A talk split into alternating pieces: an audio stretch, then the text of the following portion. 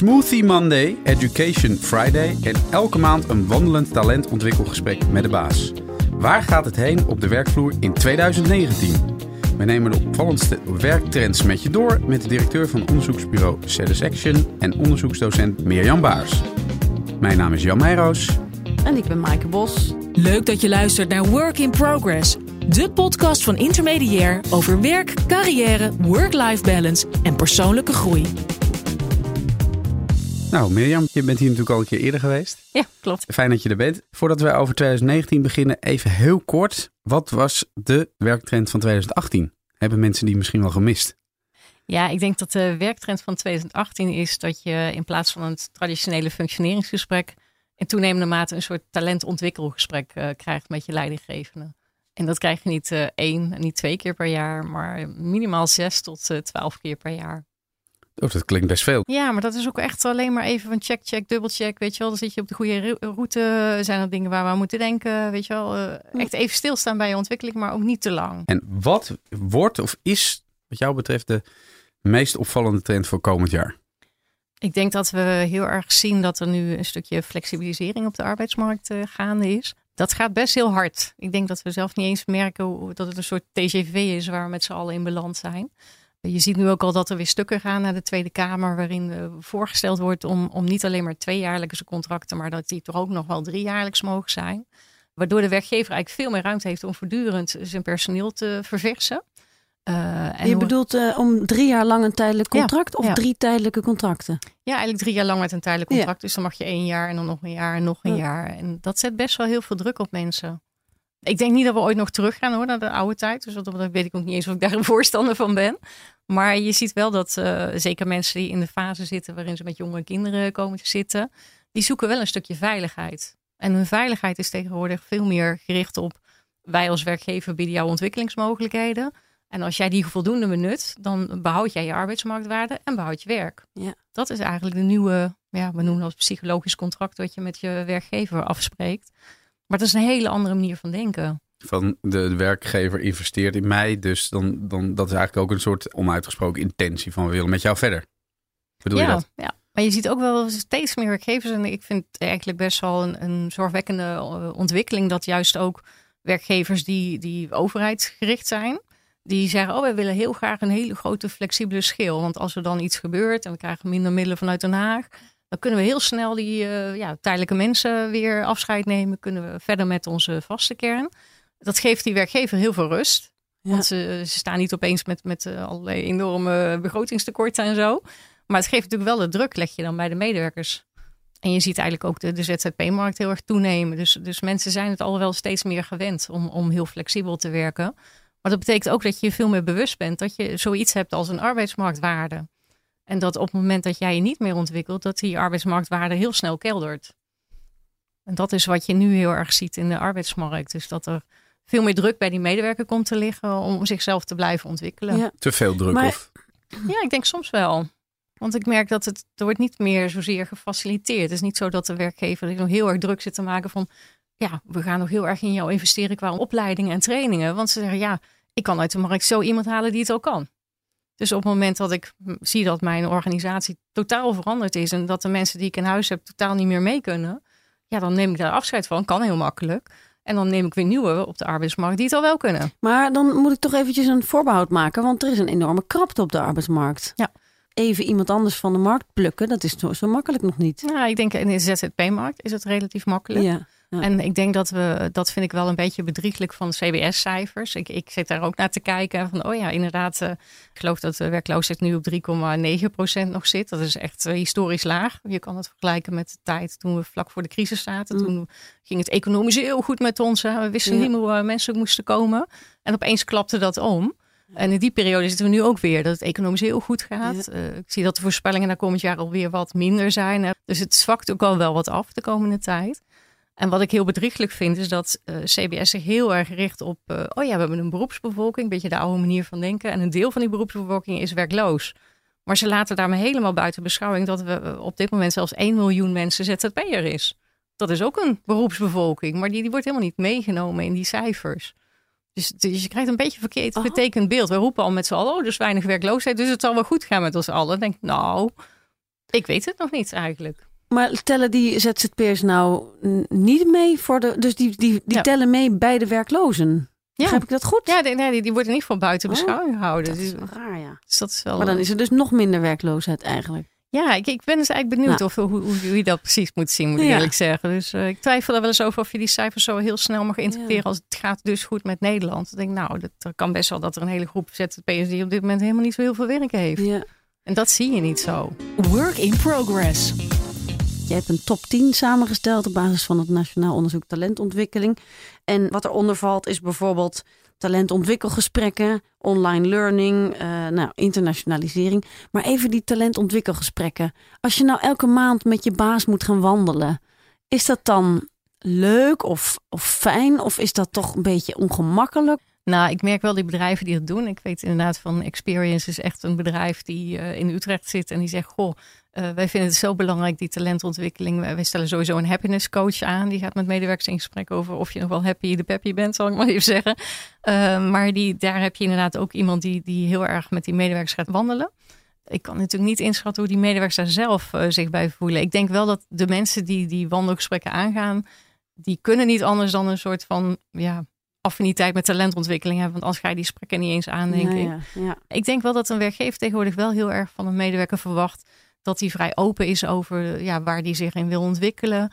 Ik vond het bedrijf Cabisa uit Weert daar heel interessant. Die hebben ook eh, de nummer één plek gescoord afgelopen jaar. Wat zij heel duidelijk doen is, eh, ja, zij noemen dat het leiderschapskruis. Dus ze gaan met medewerkers, hebben ze ook een heel model voor ontwikkeld. Kijken van, goh, wat is nou het pad wat jij de komende jaren voor jezelf ziet? Welke richting wil jij ontwikkelen? Wat is het pad wat wij als organisatie voor ogen hebben? En we gaan eens kijken of dat nog matcht. En, en op het moment dat zij het idee hebben dat dat niet meer zo goed matcht, gaan ze ook heel open en eerlijk dat gesprek in. En dan proberen ze eigenlijk al te anticiperen op een mogelijk afscheid. En, en ja, voor een medewerker geeft dat natuurlijk ook een gevoel van, goh, ja, ik word wel serieus genomen. En je ziet ook dat bedrijven op een gegeven moment afscheid moeten nemen van mensen. Vroeger had je dus die functionerings- en beoordelingsgesprekcyclus. En dat was vooral een juridisch document. Dus dan wilde een werkgever dossieropbouw doen. Want op het moment dat jij andere plannen had dan wat het bedrijf heen wilde, dan wilden ze dat ook zichtbaar kunnen maken. Van kijk eens, deze persoon functioneert niet meer, daar willen we afscheid van nemen. En gelukkig vind ik, eh, die trend gaat eruit. Dat idee dat een beoordelings- of functioneringsgesprek een juridisch document is, dat wordt steeds meer gezegd van ja, dat is eigenlijk een rare manier van denken. En dat kan ook met, met een nieuwe manier waarop we met medewerkers omgaan, wat veel flexibeler en eh veel je bedoelt, met zo. Als je met een tijdelijk contract zit, heb je toch niet een dossieropbouw nodig. Nee, nee. Dus ik denk Dat dat dat, met, apart. met elkaar het een met het ander te maken Ja. heeft. Wat mij ook wel eens zorg baart is, wat je denk ik na de crisis heel erg had, dat eh, de senior medewerkers zodanig onder druk zijn gezet van je krijgt meer werk, maar minder tijd. Waardoor denk ik ook wel eens die doelgroep die het werk nog moesten leren, weinig begeleiding kreeg. Ik heb ook zelfs wel studenten gesproken die nou bijna gillend weer aan een opleiding begonnen, omdat ze op een gegeven moment van, eh, MBO hadden gedaan.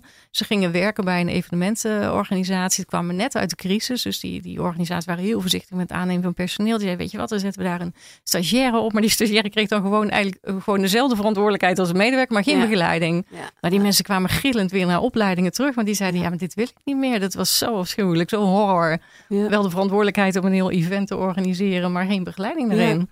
En dat vind ik met die talentontwikkeling zo dubbel. Het lijkt een paradox dat aan de ene kant krijg je, wordt er geïnvesteerd in je, hè, dat je dan van alles mag leren. Ja. Maar aan de andere kant ehm, ja, moet je ook zoveel. En, en, Ja. en loop je het risico dat als je eventjes niet die energie hebt om naast je werk ook nogal die scholing te doen, dat je dan weer buiten de boot valt. Ja. Ik denk dat er een paar bedrijven zijn, en ik hoop dat dat de voorlopers worden, die dat heel serieus nemen. Eh, ik denk Accenture is daar één van, maar ook IGNH uit Utrecht.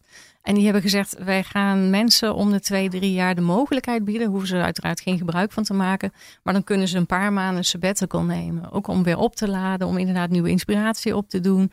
De een zal het gebruiken om inderdaad bij te tanken. De ander zegt, nou ik wil dan eigenlijk eh, die cursus of die training wel eens uitgebreid gaan doen. En ik vind dat een goede ontwikkeling, omdat ik denk, we vinden met z'n allen het heel belangrijk dat mensen blijven ontwikkelen. Maar we nemen onvoldoende de ruimte en de tijd als werkgever ook om mensen dat ook die, die gelegenheid te bieden. Ja. En je ziet bedrijven daar heel erg mee worstelen. Je, je, uh, je ziet die Education Friday nu een beetje opkomen. Education Friday, dan, dan, dan, dan is er een soort bijeenkomst waarin kennis wordt gedeeld. Ja, het zijn inderdaad uh, meetings. Dus het kan zijn dat ze zeggen, uh, ik weet Spring is in Amsterdam, die heeft een town hall meeting. Dus ze zeggen op vrijdagmiddag, dan nodigen we ofwel externe sprekers uit of we vertellen over interne projecten. We gaan kennis delen. Op een beetje een gezellige manier. Hè? Dus er zal ook een borrel bij zijn of wat hapjes.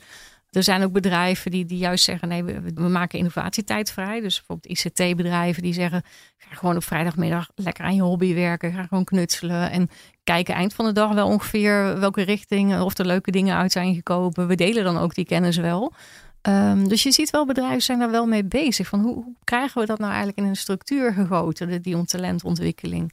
Nou, we hebben nu al dat talent ontwikkelen besproken. Daar zitten goede kanten aan en slechte kanten aan. Uh, wat natuurlijk wel zo is, die arbeidsmarkt is krap. Dus bedrijven willen ook mensen op een andere manier werven. En ook een beetje met, met zich verbinden, zodat ze niet weggaan. En nou heb jij een aantal van die ludieke trends uh, ontdekt. Kun je er eens een paar noemen? Ja, wat ik heel erg zie is dat bedrijven uh, eigenlijk afstappen van het dagelijkse uitje. Nou, we gaan een dagje naar Amsterdam, lekker met een boot door de grachten varen. Ik zou het al fantastisch vinden, bij wijze van spreken. Maar zeggen nee, dat, dat is eigenlijk een beetje te min geworden tegenwoordig. Dat, daar kun je niet meer mee aankomen. Ik heb zelfs uh, een poosje geleden aan studenten filmpjes laten zien van wat de variatie in uitjes is. En ze lagen nog net niet in een deuk toen, toen iemand gewoon als manager serieus beweerde dat een dagje Amsterdam toch ook wel heel leuk was. En, en die, die manager was er echt heel trots op. Dus dat was best pijnlijk om te zien. uh, maar studenten vinden het eigenlijk maar heel normaal om straks als ze ergens gaan werken in minimaal een meerdaags uitje te krijgen. Dus dan ga je een paar dagen naar de Ardennen of een paar dagen naar Londen. Citytrips zijn enorm in opkomst. Dus uh, ik denk dat je dat zelfs in Amsterdam hier ook nog wel merkt. Dat, dat je steeds vaker ziet dat uh, heel veel mensen gewoon even voor een dagje naar Amsterdam komen. Maar, maar zijn we, die, die werknemers allemaal zo verwend geworden dan? Dat het allemaal nog ja, normaal is? Ja, ik las laatst in een boek en daar schrok ik zelf ook nog wel van. Dat, dat we ons niet eens meer realiseren wat voor tijdperk we leven. Ik geloof dat wij vergeleken met 100 jaar geleden ongeveer vier keer zo hoog inkomen nu genieten. Dus we vinden het ook maar helemaal normaal dat we gaan reizen. En dat de, die reizen niet meer naar België is, maar dat het minimaal Spanje en, en, en nog veel verder is. En wij zijn ZZP'ers, wij slaan hier van achterover, toch? ja. Want dat is dus ook een nieuwe ongelijkheid. Dat je ja, dus als ZZP'er krijg je niet ja. een meerdaags tripje met je mede. Nou, dat soms wel, soms niet. Het hangt vanaf. Ja. Oh, even een voorbeeld, hè? want ik, ik, sta er zelf ook nog wel een stijl van achterover. Ik, ik werk dus ook bij Fontes Hogescholen part-time. Uh, en, en nu is het inderdaad zo dat we met studenten naar het buitenland gaan. We zijn nog maar tweedejaars. Uh, ik ga naar Bangkok. Wat? Wauw. Ja, jongen, ik vond het echt te gek. Je kunt niet drie dagen naar nee, Bangkok. Nee, we gaan een week. En, en de meeste studenten gaan er nog een week extra. En, en dat liggen natuurlijk hele mooie tropische eilanden. Dat is een super mooi land om te bekijken. Maar dan denk ik, jee, maar dat is bijna een soort secundaire arbeidsvoorwaarden... waarin je dat soort dingen gaat doen. Feitelijk zijn dit soort dingen natuurlijk gewoon... Uh, wortels, dikke wortels die je voor een paard houdt om, om, om mensen te, te lokken. Zeker. Ja, absoluut. Uh, maar ik, ik, kan me tegelijkertijd ook niet voorstellen dat mensen tegenwoordig gaan, gaan googlen wat voor bedrijfsuitjes ze krijgen om het te laten afhangen of je wel of niet voor dat bedrijf gaat werken. Nee, ik denk dat ik, ik hoor ook wel eens geluiden van studenten. Ik, ik sprak laatst een ICT-student en die zei: Ik zou zo dolgraag eens zien hoe het in een bedrijf echt aan toe gaat. Want ik krijg altijd een gelikt filmpje te zien. Ik krijg altijd een, een mooie website met hele fantastische teksten, hoe leuk het daar is. En hij zei: Wat ik, en, en dat baart me ook wel eens zorgen. Hij zei: Wat ik als ICT eigenlijk nodig heb, is een hele rustige werkplek ik word gek van zo'n kantoortuin, ja. zegt zo ja, iemand. Ja. En dan denk ik, ik kan het me zomaar voorstellen. Is dat ja, ik moet programmeren. Dan moet je behoorlijk veel uh, ja, energie insteken. Dan moet je heel veel concentratie voor kunnen opbrengen. ik zie, daarom zie je ook heel veel mensen gewoon steeds met een koptelefoon op. Ja, ja. En dat vind ik zo gek. Ik ben nog steeds geen bedrijf tegengekomen die heel duidelijk zei... Als je bij ons komt werken en je bent ICT'er, dan krijg je gewoon je eigen kamer. Ja, ja, ja. ja. Nou, ik merk ook dat je met die uh, trends van citytripjes, een workation, uh, s'avonds op vrijdag nog even een pizza eten met je, met je collega's terwijl je naar een spreker luistert. Dat. Het is allemaal alsof je steeds meer van jezelf ook aan je werk moet geven. Hè? Dat je steeds meer daar bent in uren die eigenlijk van jezelf zijn. En het is ja, je, je kunt zo weinig terugnemen. Je kunt zo weinig even je afsluiten. Ja, ik denk dat dat klopt. Ja. En dat heeft denk ik dus met die trend van automatisering te maken. Dat wat we van mensen nog verwachten zijn heel erg communicatieve en interactieve vaardigheden. En uh, dus heel veel afstemmen met collega's, samen tot nieuwe ideeën komen, creatief zijn, de markt heet het afscannen, maar ook blijven leren. Um, ik, ik, las laatst het boek van uh, de leerrevolutie. Uh, er staat een hele mooie uitspraak in. Leren is het tegenovergestelde van klagen. Dus uh, waar je eigenlijk, als je nu ergens klaagt, dan zegt iemand, ja, maar dat geeft eigenlijk aan dat jij iets dan niet beheerst. En dan gaat het zelf eens oplossen, gaat het eens uitzoeken. Met andere woorden, dat wordt ook een soort nieuwe norm. Van, van je wordt ook geacht om voortdurend heel proactief en ja. de nieuwste dingen te ontwikkelen. En dan denk ik inderdaad dat we hebben in het verleden wel eens periodes gehad waarin we zeiden: Oh, we moeten ervoor zorgen dat mensen even rust kunnen nemen van hun werk. En toen kreeg je vakantiegeld en dan kreeg je vakantiedagen. En het gekke is nog steeds dat er nog steeds niet zoiets bestaat als uh, leergeld en, en leerdagen, zeg maar. Dus uh, terwijl daar wel heel veel behoefte aan oh, is. ja. bij, bij, bij bepaalde bedrijven heb je wel een soort, soort persoonlijk budget, toch? Wat je mag besteden aan. Uh... Dat is ook aan het opkomen. Dus het is goed dat je dat noemt. Je ziet inderdaad, ik geloof Springers hier in Amsterdam, die heeft 1000 euro per medewerker. Ja, en dan dus mag je... ABN AMRO heeft dat ook wel bij, uh, bij, bij, op zijn IT-afdeling. Ja, en, en dat vind ik wel een hele mooie, want daarmee zeg je impliciet tegen die medewerker, je bent zelf verantwoordelijk voor je leren en ik faciliteer het wel. En, ja. uh, maar zelfs dan zie je nog, uh, ik weet DSM in Limburg heeft dan ja. nog heel veel moeite mee om mensen dan ook voor elkaar te laten krijgen. Ja, dus ik, sprak, ik sprak toen, uh, ik, ik sprak ooit zo'n programmeur bij de ABN AMRO en die zei ook van, uh, je hebt inderdaad een persoonlijk budget. Alleen ja, je hebt dus ook gewoon je werk. Dus, dus de, wanneer stem je dat af? Want er ligt altijd weer nieuw werk. En op een gegeven moment moet je dan zeggen van ik, ik zet mijn werk even op pauze. En ik, ik ruim nu even wat tijd in voor zo'n uh, online assessment of, uh, of even zo'n cursus. Nee, en, en, in de praktijk is het toch vaak dat mensen s'avonds dan maar weer wat gaan doen. Klopt. Ik denk, ik denk dat dat ook best zorgwekkend is. Ook als je kijkt naar de burn-out cijfers. Ik geloof 15% van de beroepsbevolking heeft al wel een keer een burn-out zeg maar, gehad. Dat is heel flink. Um, en dan gaat het meestal ook best om heel veel dagen. Ik geloof 242 dagen als je een burn-out hebt. Dat is bijna twee derde van een jaar. Uh, is een hele dure kostenpost voor werkgevers. Dus gelukkig kwam ik een mooi voorbeeld tegen van een bedrijf die een workshop slapen uh, organiseerde voor de medewerkers. Toen dacht ik, hé, hey, die hebben het begrepen. Ja. nou, in Japan heb je ook van die slaapcubes, hè? dat je even een kwartiertje een, uh, een dutje kan doen. Ik heb ook wel eens op mijn werk dat ik zo'n heel zo'n suf gevoel krijg. En dat ik zou willen dat, ik, dat het niet gênant was om even op de bank te gaan liggen. Maar dat doe je dan niet. Nee. En vervolgens werk je een uur lang niet productief. En dan gooi je er drie koffie in. En dan uh, komt het wel weer.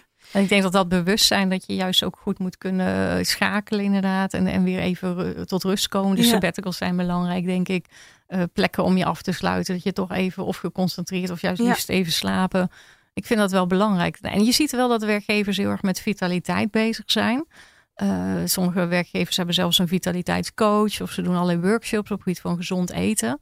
Maar dat is ook wel weer bijzonder, want daarmee geeft ze ook weer het signaal af dat jouw persoonlijke levenssfeer niet meer jouw persoonlijke levenssfeer is. Dus ze zeggen eigenlijk: wij vinden het toch wel belangrijk dat jij voortaan uh, met een appel naar het werk komt en niet meer met uh, alleen maar uh, lekkere crunchy repen. Ja, of, AFAS, die, die zijn best wel extreem daarin. Ja? Die, die, die geeft ook echt aan dat als wij vinden dat je te zwaar bent, of wij, dan, dan gaan we met je het gesprek aan. Als je rookt, dan, uh, dan gaan we met je het gesprek aan. Ja. En als je ja, dat niet wil aanpassen, dan is er eigenlijk geen plek voor je. Ja. Dat is best wel heftig. Ja, ja dat gebeurt best veel. Ja? Ja, ik, ik, ik vind, ik, ja, wat dat betreft, als je het hebt over gezond leven, zie je dat inderdaad heel erg opkomen dat dat een uh, nieuwe trend is. Ja, die smoothie Monday inderdaad. Je na het weekend weer even met een frisse cocktail beginnen. Het heeft nog iets grappigs, maar als je weet dat het nou ja, dan moet er ook een Snack Friday zijn, hè? Dat zeg je ook ergens. Wel. Ja. Work in progress. Al die trends die worden toch een beetje gestuurd door die nieuwe tijden die eraan zitten te komen. Automatisering, robotisering. En, en, en dus innovatie wordt ook steeds belangrijker, toch? Ja, klopt. Maar daar heb je ook een beetje een soort structuur in je werk voor nodig. Dat je ja, tussen mensen onderling wat meer kunt sparren. En niet dat het mhm. allemaal heel hiërarchisch geregeld is. Ja. Toch is dat, dat is ook een trend, hè? Dat, ja, uh, je ziet heel erg de verplatting van de organisaties. Je ziet uh, verschillende bedrijven kiezen voor een nieuwe vorm van organiseren, wat ze holocracy noemen.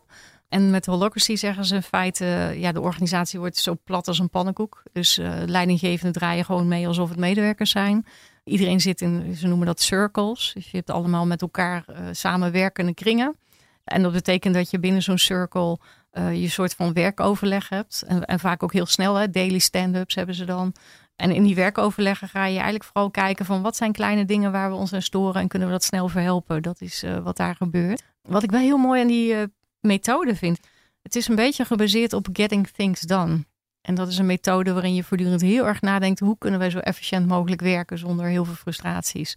En door die methode te omarmen, ga je dus ook mensen met minder frustratie hun werk laten doen. Omdat ze heel snel kunnen acteren als er iets niet lekker loopt. Hoeven ze niet die hele riedel eh, in de hiërarchie naar boven. Maar kunnen ze in feite meteen eh, aan de slag het bekendbaar maken. Kijken hoe ze het op kunnen lossen. Ja, ja, het is ook zo dat je niet vaste functies meer hebt. Hè? Maar dat je dan gewoon per taak een rol kiest. Ja, klopt. Het kan ook. Het is ook heel erg leuk als je helemaal scherp bent. Maar als je even in een fase zit Mhm. dat je ook andere dingen aan je kop hebt, lijkt het me heel extra vermoeiend. Oh, dat is het ook, denk ik. Ja. Het mooie wel van rollen, en dat is vanuit het oogpunt van talentontwikkeling, is dat je dan wel verschillende dingen kunt oppakken die misschien vanuit je achtergrond, vanuit je opleiding, helemaal niet zo logisch zijn. Dus iemand die, die is opgeleid als programmeur, die kan op een gegeven moment zeggen, ja, maar ik vind marketingtaken ook heel leuk. En, en door in die cirkels te werken, kan je dan zeggen, Ik hey, denk ik dat de doe... programmeur alleen iets meer verdient dan in de marketing. Ja, ja, hoe Maar dat is ook nog eens eh, ja, hoe dat dat salaris. salarishuis dan in elkaar zit. Nou, ik, ik weet van het bedrijf eh Visie. Die zeiden, wij stappen af van salariering zoals we het gewend waren. We waren altijd gewend, eind van het jaar gingen we met de medewerker om de tafel. En dan gingen we kijken, kan er wat bij? Eh, ja, meestal niks eraf gelukkig. Maar, Kan er wat af? eh, en die zijn op een gegeven moment letterlijk gaan kijken naar, naar wat doet, doet men in de overheid eigenlijk op het gebied van salaris. Want het was altijd zo'n dingetje. Het was altijd gezeur. En mensen gingen altijd naar elkaar kijken. Want die krijgt dit Ja. en ik en dat. En hoe zit het nou? Hij zei, nou we zijn helemaal van afgestapt. We hebben gewoon de overheidsmanier van salariering omarmd. En we hebben gewoon gezegd, joh, dit is jouw eh, functie. Eh, dit ga je volgend jaar verdienen. En als je hier blijft, dan kan je dit jaar erop. Dus je krijgt gewoon per treden ieder jaar een paar tientjes aan euro's erbij, zeg maar. En, en, en, en dat was duidelijkheid. Ja. Maar je zou eigenlijk verwachten in zo'n holacracy dat je dan allemaal hetzelfde verdient. Maar dat is ook niet zo, denk ik. Ja, maar ze proberen dat dus wel veel meer uniform Ja, te maken. En ja. dat is wel heel interessant eigenlijk. En, en dat heb je ook nodig. Ik vind het ook wel mooi omdat het heel functioneel is. Als je realiseert dat, dat er heel veel geautomatiseerd wordt. Dat wat er overblijft interactief sociale taken zijn. Dat je dus van medewerkers ook moet zorgen dat ze creatief kunnen zijn. Doordat ze veel met elkaar afstemmen. Ja. En hoe krijg je nou die sfeer? En dan krijg je dat inderdaad door die citytrips, door met z'n allen een keer een workation te doen, eh, door te zorgen dat je inderdaad tijd krijgt om te innoveren. Dus dat hele pakket maakt eigenlijk dat je zegt: hé, hey, wij willen die menskracht, die uniek is ten opzichte van computerkracht, optimaal eh, uitnutten. Ja. Ze noemen het tegenwoordig ook, en dat vind ik heel bijzonder, talenten uitbuiten. Ja, dat klinkt een beetje, ja, dat is een beetje slavernijachtige Ja, het is heel terminologie. bizar. Ja. Hey, een andere trend is eh, dat het thuiswerken op zijn retour is. Tenminste, dat, dat Ja. heb jij eh, onderzocht. Ik heb juist het idee dat het nog steeds eh, best wel populair is. Ja, ik denk ook vanuit de medewerkers wordt het heel erg gewaardeerd. Ik schrok een beetje van, eh, want mensen of de bedrijven waren heel eerlijk. Die zeiden ook heel eerlijk tegen mij van, goh, wij zijn eigenlijk helemaal niet zo voor dat thuiswerk. Sterker nog, we, we- willen dat niet eens meer actief stimuleren, terwijl ze dat een paar jaar geleden juist wel degelijk deden. Eh, ze noemen ook heel eerlijk waarom hoor. Dus ze zeggen, ja, dat komt omdat we daily stand-ups hebben. Dus we willen, eh, zeker bij de ICT-bedrijven, s ochtends even met z'n allen opstarten. Heel kort even een overlegje, vaak is het staand. Eh, waar ben je mee bezig? Ze werken in scrum-teams, eh, ze hebben sprints. Dus er zit heel veel dynamiek. En ze zeggen, ja, in die dynamiek moet je heel veel met elkaar afstemmen. En dan is het heel onpraktisch om dat eh, ja, thuis te zitten. Dat had je van tevoren toch wel aan kunnen zien komen. In die zin, als mensen veel thuiswerken, is er minder overleg. Ja. je kunt elkaar bellen, je kunt videoconference. Ik bedoel, er zijn Ja. natuurlijk allerlei manieren om toch wel Ja. overleg met elkaar te hebben. Maar Ik denk dat mensen daarvan terugkomen. Want tuurlijk, al die eh, online toepassingen die maken dat je toch wel overleg kunt hebben. Alleen fysieke aanwezigheid en iemand in de ogen kunnen kijken of een non-verbale communicatie lezen, dat komt wel terug. zijn bedrijven dan, eh, zijn die van een koude kermis thuisgekomen? Of eh, hebben ze onderzocht denk, dat, het, dat, het, dat het hun bedrijf uiteindelijk echt schaadt als mensen veel thuiswerken?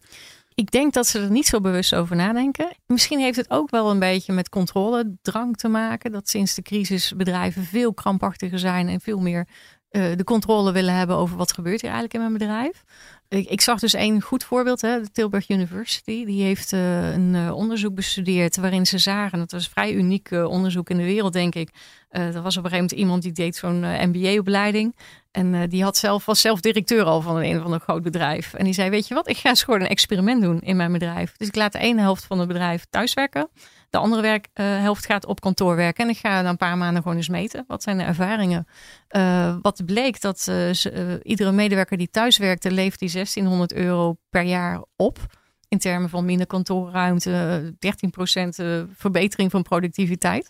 Jongen, jongen. Dus dat zijn best wel heftige positieve Ja. eh, effecten. Dus ze mensen- werkte 13% productiever Ja, door ja. thuis te werken. Ja. Maar dan zou je toch denken, eh, thuiswerken, halleluja. Ja. Meer, meer, meer. Maar. En hoe komt die productiviteit zo hoog dan? Wat is het Ja, verschil? mensen gingen toch wel wat, wat meer uren maken, zeg maar. Niet, niet extreme mate. Gingen Minder niet afleiding. eh, ze hebben minder afleiding. Ze, ze, ze- op de een veel meer concentratie natuurlijk. Ze Minder hoefden geen eh, headset op te zetten om even... eh, ja, je hebt minder last van collega's. Dat is het in feite. Dus je kunt Ja. heel erg to the point je werk doen. Eh, Tilburg University heeft eh, dat onderzoek gebruikt om te zeggen... We, wij gaan proberen onze medewerkers, eh, juist de ICT-medewerkers, zijn heel moeilijk te krijgen. Ze zeiden, door ze actief te stimuleren thuis te gaan werken, hopen we dat hun werktevredenheid vergroot.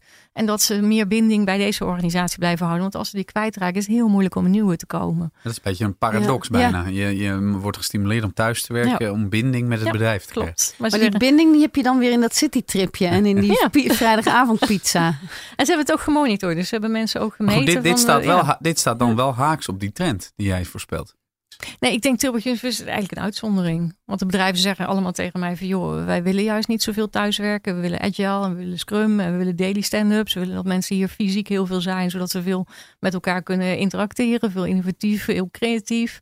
Eh, dus ze willen het eigenlijk niet. Ehm, Maar er zijn mengvormen te vinden. Je kunt toch zeggen, je mag één of hooguit twee dagen per week eh thuiswerken. Want soms heb je net heel innovatief een idee bedacht met een collega. En dan wil je dat gewoon eventjes in je eentje uitwerken. Ja. Nou, dan doe je dat thuis bijvoorbeeld. Hè? Ja. Ik, Ja. ik denk dat het gewoon ook met organisatieculturen te maken heeft. Dus eh, stel dat je dat doet in een cultuur die, die niet eh, erg op thuiswerken gericht is. Ja, dan zul je dat niet zo snel doen. Want jij, bij wijze van spreken, je promotie hangt er misschien straks ook van af. Ja. Dat was overigens wel een keerzijde van het onderzoek. eh, wat ik straks noemde. Van die twee groepen uit het bedrijf. De ene ging wel en de andere niet thuiswerken. De mensen die gingen thuiswerken zeiden wel van ja, ik ben minder zichtbaar naar mijn baas. Dus Ja. op het moment dat er promotiemogelijkheden zijn, weet hij niet eens eh, bij wijze van spreken wat ik de afgelopen maanden gedaan heb. Eh, en, en loop ik misschien wel mijn promotie mis. Dat is ook wel een punt voor werknemers. En ik dacht nog even over die daily stand-ups. Het klinkt alsof de vergadercultuur waar iedereen zo over klaagt altijd. Ja. Alsof dat eh, eh, helemaal zeg maar eh, Is in kerststerretjes is veranderd. Van een daily stand-up, tien minuutjes even Nou, sparren nou, en klaar. nou, je je hebt daily stand-up, je hebt weeklies, je hebt monthlies. Ja, ja. Maar dat hele vergaderen wat altijd zo, zo stroef en stroperig Ja. ging, waar mensen over klagen. Is dat nu opeens allemaal opgelost, dat, dat probleem? Nou, wat ik wel hoor, en dat vind ik wel positief, dat eh, die holacracy bedrijven, die dus heel plat zijn, die hebben dus inderdaad daily standards, maar dat zijn ook hele korte meetings. Iemand brengt een idee in. Eh, andere mensen mogen hooguit reageren als ze zeggen, nou, ik, ik heb bezwaren voor dat idee.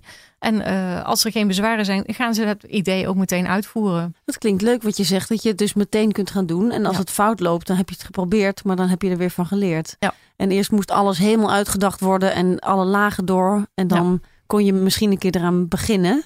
Precies, nee, de, Ja, de- dit die, klinkt die, ook wel die weer goed. actie, die, die Ja. modus zit er veel meer in. Van, Ja. ja, creativiteit, innovativiteit, meteen toepassen, maar meteen het effect zien. Ja. En, en dat stimuleert mensen wel heel erg. Dus eh, in die zin zijn we denk ik heel goed bezig. Spannend hè, 2019. Mhm. Absoluut. Nou, Leuk dat je luisterde naar deze Work in Progress met Mirjam Baars over de werktrends van volgend jaar. Wij wensen iedereen in ieder geval een inspirerend en talentvol 2019. En als je dit nou luistert na de jaarwisseling, ja, dan geldt dat natuurlijk ook nog steeds. Dus tot de volgende keer. dag! Heb je met plezier naar deze podcast van Intermediair geluisterd? Abonneer je dan gratis via SoundCloud of iTunes. En krijg een melding als er een nieuwe aflevering voor je klaarstaat.